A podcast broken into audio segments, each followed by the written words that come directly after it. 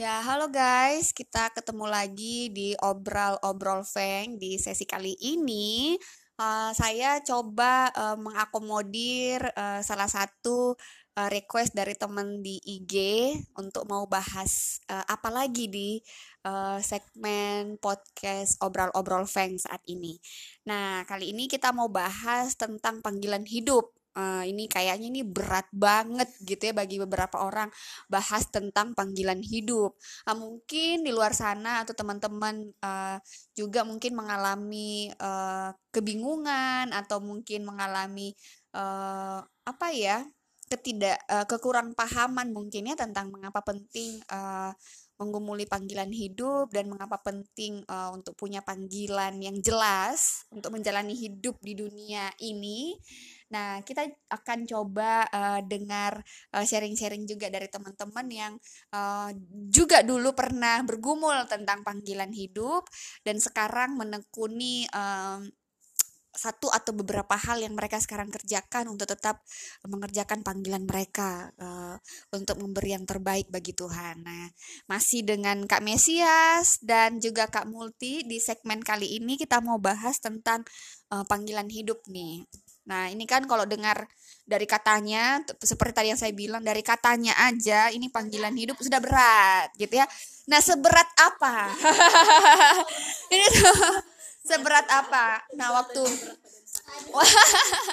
nah waktu teman-teman uh, mungkin juga dengar kata panggilan hidup apalagi mungkin waktu masih siswa atau mungkin waktu masih mahasiswa uh, bingung kenapa sih uh, kakak-kakak KTB ini uh, terus menyuarakan ayo deh mesti jelas panggilan hidupnya mesti jelas tujuan hidupnya seperti apa nah waktu itu waktu itu kalau kita uh, sedikit uh, flashback ke belakang. Waktu itu teman-teman bagaimana sih pergumulannya waktu ditanyakan uh, apa sih tujuan hidupnya sehingga jelas panggilan hidupnya gitu ya.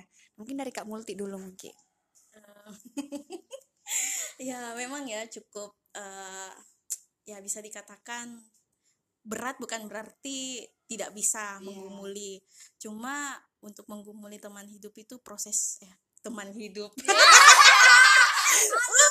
panggilan hidup maksudnya. Oh berarti nanti kita bisa bahas segmen teman hidup lagi nih. Oh ya maaf. Masih ya ya ya uh, maksudnya panggilan hidup itu prosesnya sesingkat gitu ya. Misalnya anggaplah ya teman-teman uh, biasa kan kita mulai ngeh gitu ya mulai mengerti ketika kita mau selesai kuliah gitu ya eh nanti saya mau ke mana kerja di mana kerja apa iya. saya jadi apa gitu ya Nah, itu biasa ada di akhir kuliah. Nah, sebenarnya bagi saya itu kata terlambat gitu ya. Ketika kita menggumuli di akhir gitu ya, misalnya di semester akhir. Kalau teman-teman yang kuliah D3 berarti semester 5 atau 6. Kalau kuliah S1 berarti semester 7 atau 8. Nah, itu sebenarnya uh, agak terlambat. Iya, agak iya. terlambat gitu ya. Jadi sebaiknya gitu ya, sebaiknya ketika di awal gitu ya, uh, di awal kuliah sebelum kita masuk kuliah itu kita sudah harus gitu ya tahu apa panggilan hidup kita arahnya ke mana sambil nanti di dalam proses kuliah itu kita terus bergumul apakah memang sudah benar ini uh, yang Tuhan mau untuk saya uh, gumulkan untuk saya nanti uh, kerjakan di dalam panggilan hidup saya. Nah kalau saya secara pribadi ya mungkin juga saya termasuk kata yang tadi ya yang pertama itu saya agak terlambat menggumuli gitu agak terlambat menggumuli. Karena saya pun secara pribadi juga terlambat gitu untuk akhirnya sadar akan uh, panggilan hidupku gitu. Dan kenapa terlambat sadar? Karena saya pun terlambat ditangkap di dalam pelayanan mahasiswa. Oh, ditangkap. Iya ditangkap gitu ya istilahnya ditangkap. Gitu akhirnya disadarkan gitu ya. Tapi akhirnya juga bersyukurnya uh, ketika di akhir gitu ya uh, sudah tahu gitu ya arahnya ke mana apa beban hati saya ke mana jadi memang mau tidak mau saya harus uh, melakukannya apa pun tantangannya gitu. Jadi uh, ya sebenarnya panggilan hidup itu teman-teman tidak berbicara setahun dua tahun untuk mengurangkan ya untuk uh, cari tahu yeah. gitu. Tapi butuh bertahun-tahun. Itu bahkan pun ketika misalnya hari ini anggaplah uh, kita sudah tahu apa yang menjadi panggilan hidup kita bisa saja nanti ketika kita sudah melakukannya ada hal lain lagi yang Tuhan mau bukakan. Jadi sebenarnya panjang sangat panjang prosesnya. Tidak hanya satu proses tidak hanya satu hal yang mesti kita lakukan tetapi banyak hal yang mesti kita lakukan di dalam hidup kita. Dan tentunya sebenarnya adalah yang menjadi dasarnya adalah ingat ini kembali semua kemuliaan Tuhan. Oke, itu ya Kak Multi ya. Kalau uh, Kak Mesia sendiri bagaimana pengalamannya? Pengalaman dalam menggumuli, menggumuli di panggilan hidup.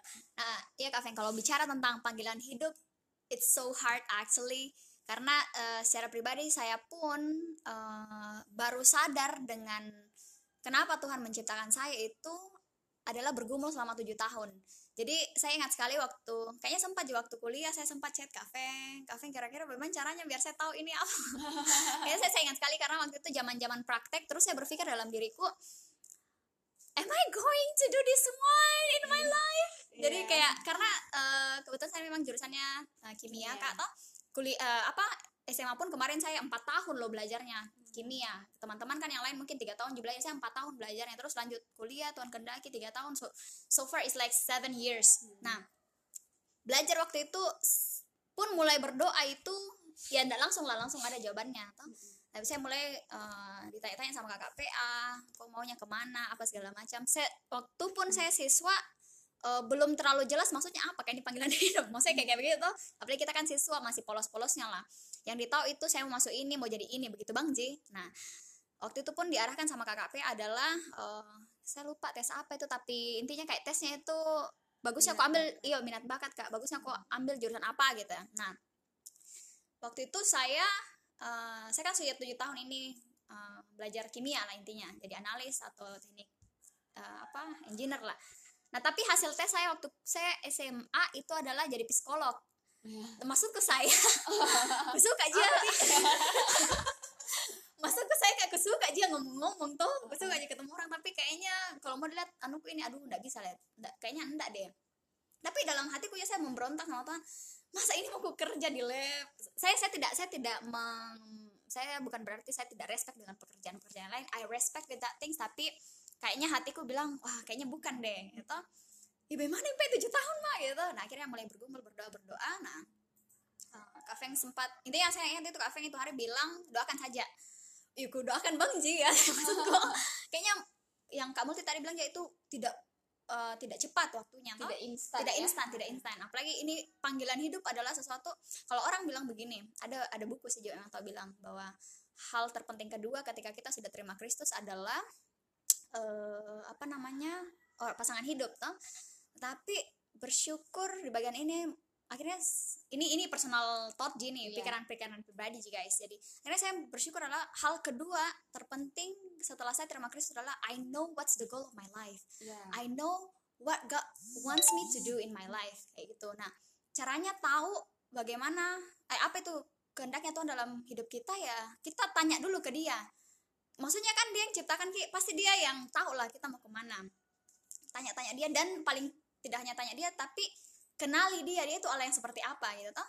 So bicara panggilan hidup tidak hanya bicara tentang apa profesimu tetapi apa value di belakangnya. Yeah. nah sedikit sharing juga sama uh, mungkin teman-teman pendengar podcast apa obral obral obral obral peng yeah. akhirnya saya lulus mengucapkan itu.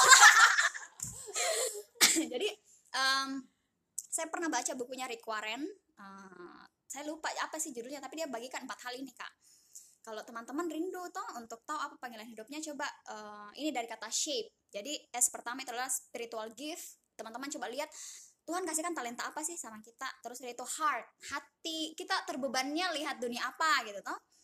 Terus abilities kemampuannya kita Tuhan kasihkan apa gitu. Terus personality kita orangnya bagaimana? Sama experience. Nah sepanjang kita mengumpulkan ini panggilan hidup kita experience experience seperti apa atau kegiatan-kegiatan seperti apa yang Tuhan sudah berikan kesempatan untuk kita lewati. Nah dari situ akhirnya kita akan realize bahwa oh ternyata ini hal yang Tuhan mau saya kerjakan. Dan bersyukur uh, satu nilai yang Tuhan tempatkan dalam diriku ini adalah uh, I stand for wait so bahasa Inggris lah kak.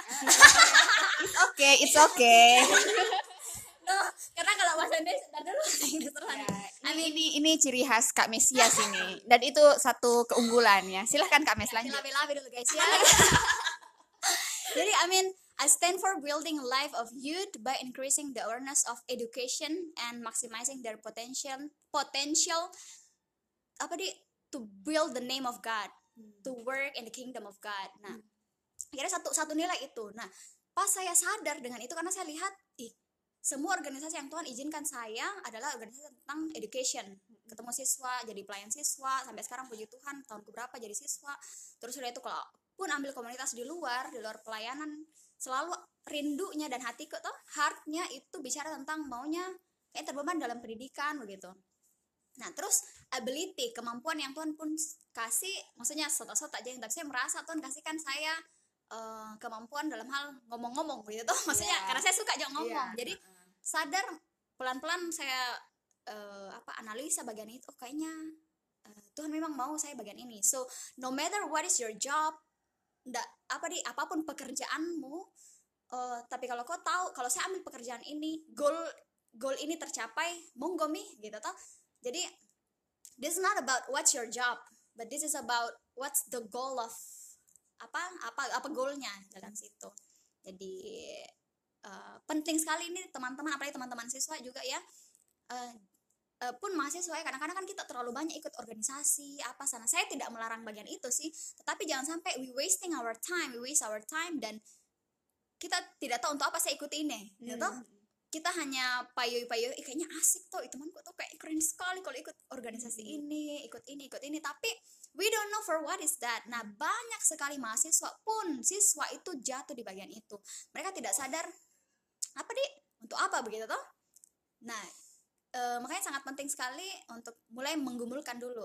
Nah kalau uh, walaupun memang kayak kamu tadi bilang jawabannya tidak langsung ada sih hmm. tetapi uh, saya percaya if you start by praying to God kalau kita mulai dengan berdoa sama Tuhan anda mungkin lah itu Tuhan tidak bukakan. Iya tidak bukakan.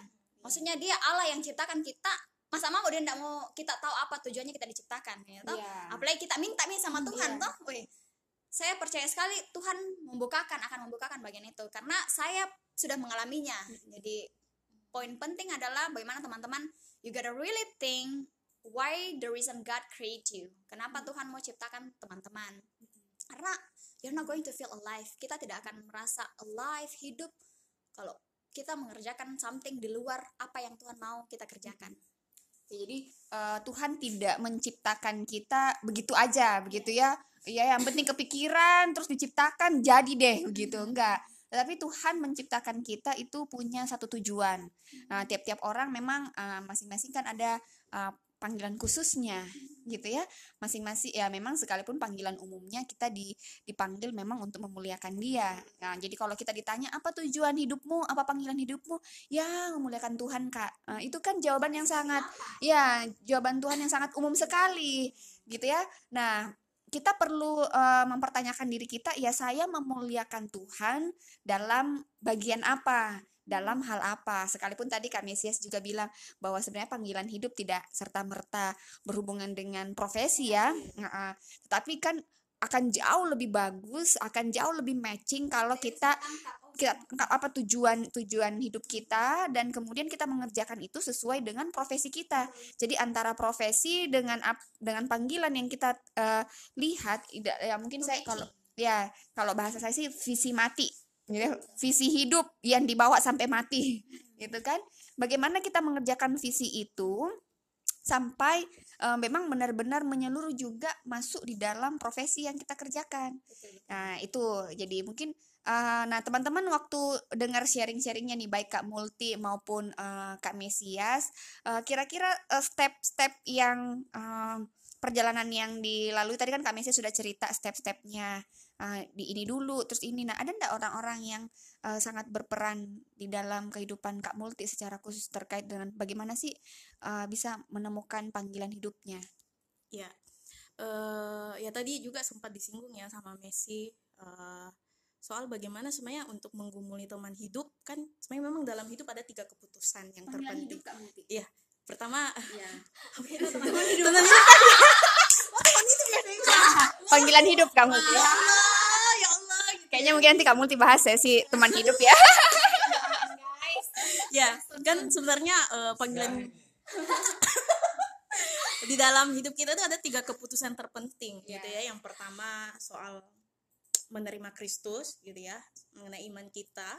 Yang kedua soal teman hidup. Yang ketiga ini panggilan hidup eh, lebih terkhusus profesi atau pekerjaannya nah sebenarnya eh, kedua hal inilah dua keputusan selain yang keputusan pertama yang sebenarnya yang paling utama dua keputusan ini sebenarnya mempengaruhi dari keputusan kita yang pertama tadi sudahkah kita menerima Kristus atau tidak Iya. Ya, jadi kita akan sulit eh, tahu apa yang menjadi panggilan hidup kita kalau kita pun dengan Kristus tidak satu. Nggak connect. Iya, Ya. heeh. Mm-mm. Tidak punya relasi yang intim bersama dengan Dia. Nah, saya pun secara pribadi akhirnya eh, yang tadi saya bilang kenapa saya terlambat karena saya lambat ditangkap gitu ya oleh Tuhan melalui persekutuan gitu. Dan akhirnya juga hal eh, yang membuat saya akhirnya mulai tahu panggilan hidup saya ketika saya punya relasi yang intim dengan Tuhan. Gitu. Nah, eh, sharing aja waktu di akhir kuliah karena saya jujur eh, saya kuliah D3 kebidanan ya, D3 kebidanan dan saat ini full time mengerjakan sebagai staff eh, pelayanan menjangkau mahasiswa di Perkantas. Nah, waktu di awal selesai ya banyak tawaran gitu ya kerja di sini Di bidang kesehatan. iya di bidang kesehatan Eh, nggak apa-apa bisa juga sambil melayani gitu ya apalagi ditahu aktif persekutuan gitu ya sebagai pengurus lagi. Iya itu nilai plusnya itu yang kami cari. Anak bidan gitu ya kesehatan punya skillnya eh, mengerti juga soal pelayanan. Mau gaji berapa silahkan gitu ya. Jadi sangat besar. Terus dipikirkan juga orang tua mendukung. Iya silahkan pergi gitu ya di sana pun pelayanan. Nah kalau mau dikatakan ini semua sudah sangat mendukung apa sih yang tidak? Oh ini nih panggilan hidup saya. Tapi ternyata bukan gitu ya. Tuhan menggelisahkan hatiku gitu. Tuhan menggelisahkan hatiku ketika saya menggumulkan bagian itu. Dan ternyata memang akhirnya no gitu ya tidak. Hatiku adalah saya rindu untuk melihat adik-adik mahasiswa juga bertumbuh tidak hanya sampai di saya. Yang akhirnya Tuhan tangkap dan mengerti apa yang menjadi tujuan hidup saya. Saya pun rindu adik-adik mahasiswa yang lain mereka boleh menangkap apa yang menjadi tujuan hidupnya. Dan itu saya bisa dapatkan ketika relasi saya dengan Tuhan itu baik. Gitu. Dan Betul, iya. Jadi memang poin pertama yang harus kita bangun adalah membangun relasi. relasi yang intim bersama dengan Tuhan. Nah, yang setelah eh, setelah bagian itu beres, bagian yang kedua, nah yang tadi Kak Feng singgung, itu ya mengenai orang-orang di sekitar. Saya pun juga akhirnya eh, bisa semakin eh, tahu gitu ya, maka dengan panggilan hidup saya ketika saya ditolong di dalam kelompok kecil. Nah, terutama lewat kakak PA saya, kakak rohani saya. Nah, eh, salah satunya eh, yang dia bantu adalah kami diminta buat life mapping gitu ya. Jadi eh, memetakan bagaimana kehidupan kami yang dulu gitu ya. Terus sehingga akhirnya tahu Tuhan mengarahkan ke mana. Sehingga dilihat benang merahnya gitu. Jadi memang secara pribadi yang akhirnya menolong saya juga untuk akhirnya bisa menemukan apa yang menjadi panggilan hidup saya ya Tuhan mengirimkan seorang kakak gitu ya kakak rohani jadi sebenarnya teman-teman juga bisa orang-orang sekitar kita tapi dalam tanda kutip juga yang punya relasi yang baik dengan Tuhan Iya. jadi tidak semuanya gitu ya terutama juga misalnya kita berpikir orang tua gitu ya ini kan orang tua saya dia yang melahirkan saya gitu ya Dia mau kita jurusan ini iya dia mau Dia kita yang biaya iya kuliah. betul banyak sih dari Iya. banyak isu-isu begitu yang stuck akhirnya mahasiswa kak Dik Iya. Iya, jadi ya, orang tua saya sudah capek-capek biaya saya dan semuanya. Iya, berarti sudah inilah yang Tuhan mau. Enggak, enggak semuanya seperti itu. Sebenarnya teman-teman apa pun keputusan di dalam hidup kita adalah kita yang menentukan, bukan orang tua, bukan orang lain. Itu cuma memang ada waktu di mana kita membutuhkan orang di sekitar kita untuk akhirnya menolong kita, membukakan apa yang menjadi panggilan hidup kita. Gitu, untuk kita melangkah. Cuma dalam tanda kutip yang harus kita tahu adalah yang tadi bahwa mereka juga adalah orang-orang yang punya relasi yang intim dengan Tuhan. Itu sebenarnya poinnya. Jadi bisa menolong kita ya untuk didampingi di dalam uh, keterbatasan kita juga untuk hal itu. Nah, berarti kata kunci yang bisa kita uh, tadi Kak Mesias uh, pakai shape ya. Uh, jadi bagaimana cara meyakini bahwa ini adalah uh, panggilan hidupku dengan pakai shape itu. Mungkin Kak Mesias bisa uh, review ulang shape-nya. Oke oke. Spiritual gift-nya gitu ya. Tunggu ya guys, saya buka dulu Google. ya, tapi memang uh, paling pertama itu betul tadi kak, maksudnya kita harus bergumul dulu sama Mm-mm. Tuhan. Karena saya baca buku perkantas itu hari, the, saya lupa saya apa tapi intinya being yourself apa the greatest gift being yourself apa gitu warna orange guys ya jadi kalau kau dapat itu buku beli ya Promosi, Oke, promosi. promote. Nah, jadi eh, shape itu guys, yang pertama adalah spiritual gifts. Jadi spiritual gifts itu kan kalau Alkitab bilang Tuhan kasihkan kita mungkin talenta untuk mendengarkan, talenta untuk mengajar, talenta untuk memimpin, talenta apa gitu toh. Nah, coba nih coach eh, teman-teman checklist eh, kok punya talenta apa gitu di bagian itu. Itu Mika. Iya. Oke ya. Terus ada itu heart. Heart ini bicara tentang sorry. Heart ini bicara tentang eh, kerinduanmu atau kok terbeban itu melihat isu apa. Nah, kebetulan memang saya sangat terbeban melihat eh, tentang potensi seseorang. Kayaknya gemes gitu ya kalau orang itu punya potensi tapi dia tidak maksimalkan gitu. Karena ya s- mau dua kayak talentamu, mau satu kayak mau tiga kayak mau lima kayak kayak yang dibilang Alkitab maksudnya yang penting kita kembangkan itu Tuhan Tuhan eh, lipat gandakan gitu toh, Tuhan percayakan kita. Jadi teman-teman coba lihat apa eh, kok terbeban di isu apa? Toh mau kemiskinan kah mau pendidikan mau tentang bisnis kah mau apa kayak toh? Nah, monggo dilihat itu terus abilities ini abilities kayaknya mirip-mirip dengan spiritual gift sih. Saya masih belajar-belajar sih juga tapi abilities ini kayak um, kau lihat ya tadi kayak misalnya kemampuan lebihmu itu di mana? Oh, ada orang kemampuannya mungkin uh, mungkin kalau kayak saya saya enggak bilang sekali lebih sekali juga iya ya ini teman-teman tapi saya merasa sih uh, apa Tuhan kasihkan talenta di ngomong gitu toh. Nah, terus ada juga orang yang dikasihkan talenta sama Tuhan di berpikir toh. Jadi lewat abilities itu kau lihat nih oh kayaknya bagus deh kalau saya kayaknya memang cocok di pekerjaan seperti ini seperti ini terus uh, apalagi kalau didukung nih saya memang terbeban dengan dunia ini nah itu enak nih ah terus next lagi personality personality itu em, apakah ketika kau masuk ke dalam dunia ini saya bingung-bingung ya jelaskan. Intinya kalau personality itu yang saya tangkap tempo hari kan kita kan ada ada itu kayak eh, apa itu tes-tes yang 16 personalities kak? Ada tuh yang pernah kita sharekan. yang apa NTJ Iya. kayak gitu. Nah dari tipe-tipe itu kau lihat nih eh, fix nggak dengan yang matching matching ya dengan ya, Dengan semua- dengan semua uh, kapasitas. Jadi sebenarnya waktu kita berpikir soal panggilan hidup atau bergumul soal panggilan hidup itu tidak hanya satu bagian saja yang muncul. Misalnya tidak hanya sekedar kerinduan saja. Memang benar ada kerinduan, tapi selain kerinduan kita perlu lihat juga ada nggak kemampuan kita untuk mengerjakan itu. Kapasitas kita bisa nggak mengerjakan hal itu. Dan yang lebih penting kalau menurut saya waktu kita belajar untuk melihat secara tajam uh, panggilan hidup kita, uh, apakah itu berdampak bagi orang lain atau betul, enggak? betul. Jangan sampai eh, kita hanya fokus ke diri kita kan. Iya. Karena eh, ya itu tadi yang paling penting memang maksudnya semua ini apa yang maksudnya apa yang Tuhan kendakin kan untuk hal yang baik sih. Iya, nah, kalau kita fokus sama diri kita ya untuk apa gitu. Iya. Jadi sebenarnya memang uh, Tuhan tidak memanggil kita untuk uh, fokus untuk diri kita sendiri. Jadi waktu kita mau belajar untuk melihat uh, panggilan kita, misalnya ini kan masih awam nih ya, belum belum terlalu jelas, masih samar-samar. Uh, apakah se- segala sesuatu yang kita pikirkan tentang panggilan hidup kita? Pertanyaan pertama yang perlu kita tanya kepada diri kita adalah apakah ini berdampak bagi orang lain atau tidak? Apakah ini hanya sekedar untuk memuaskan hasrat saya? Atau benar-benar saya mengerjakan ini untuk orang lain supaya dengan melayani orang lain, dengan berdampak bagi orang lain, saya memuliakan Tuhan. Nah, ka- karena sebenarnya poinnya itu gambar besarnya begitu dulu. Nanti teman-teman bisa bikin eh, spesifiknya apa dengan pakai shape tadi yang Kak Mesia sudah jelaskan. Sambil juga belajar dari cara Kak Multi gitu ya yang eh, konsultasi atau didampingi oleh eh, orang yang lebih rohani gitu kan. Kemudian hubungan-hubungan dengan Tuhan. Nah, itu itu bisa menolong kita. Jadi poinnya bagaimana kita memahami panggilan hidup kita, apakah itu berdampak bagi orang lain atau tidak.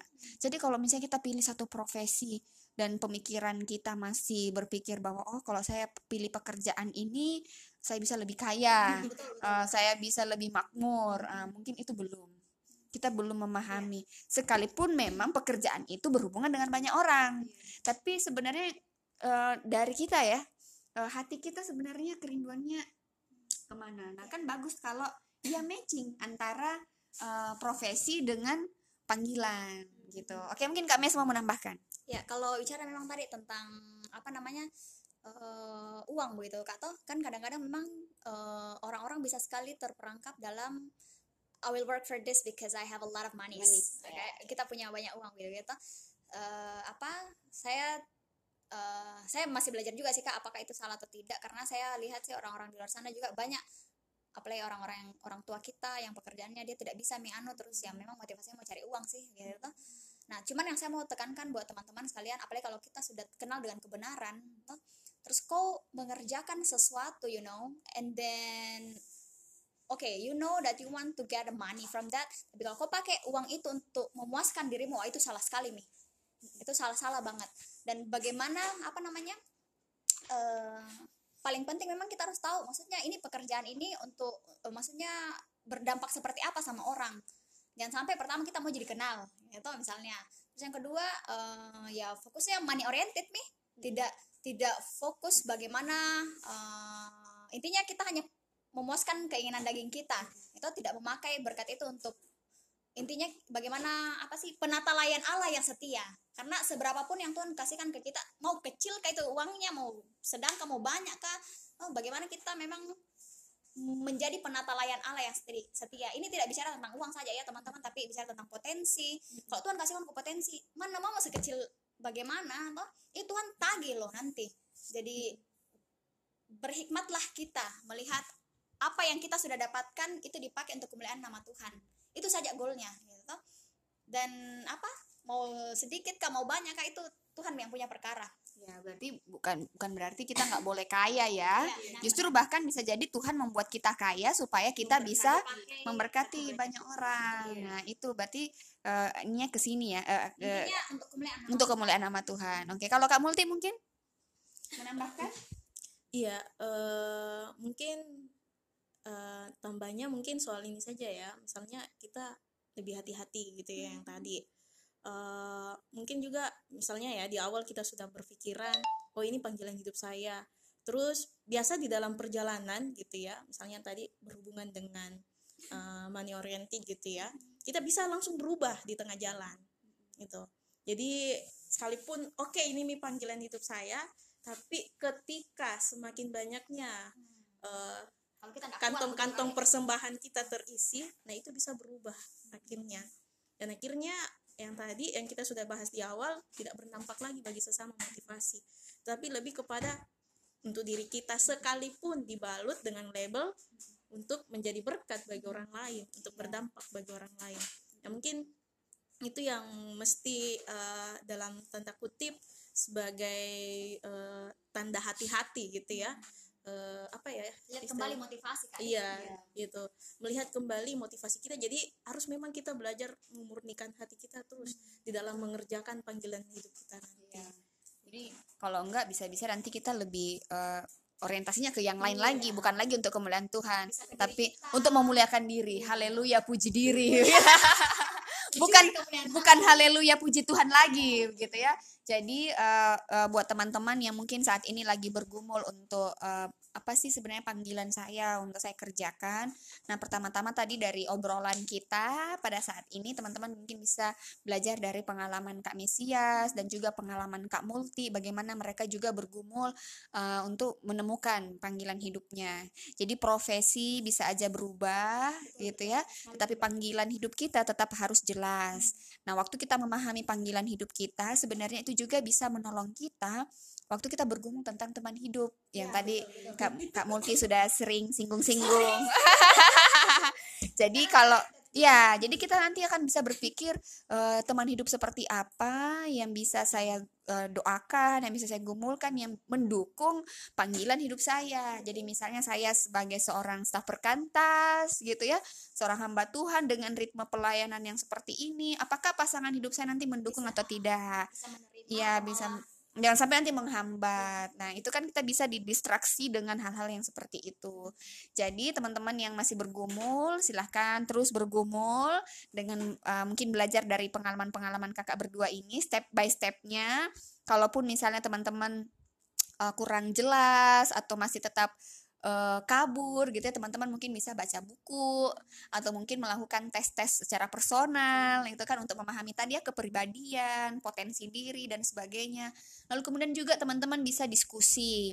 Diskusi dengan siapa? Diskusi dengan kakak rohani. Atau kalau misalnya teman-teman nggak punya kakak rohani, teman-teman bisa diskusi dengan uh, pendeta, hamba Tuhan yang mungkin bisa mengarahkan uh, teman-teman dengan baik dan membimbing teman-teman dengan baik.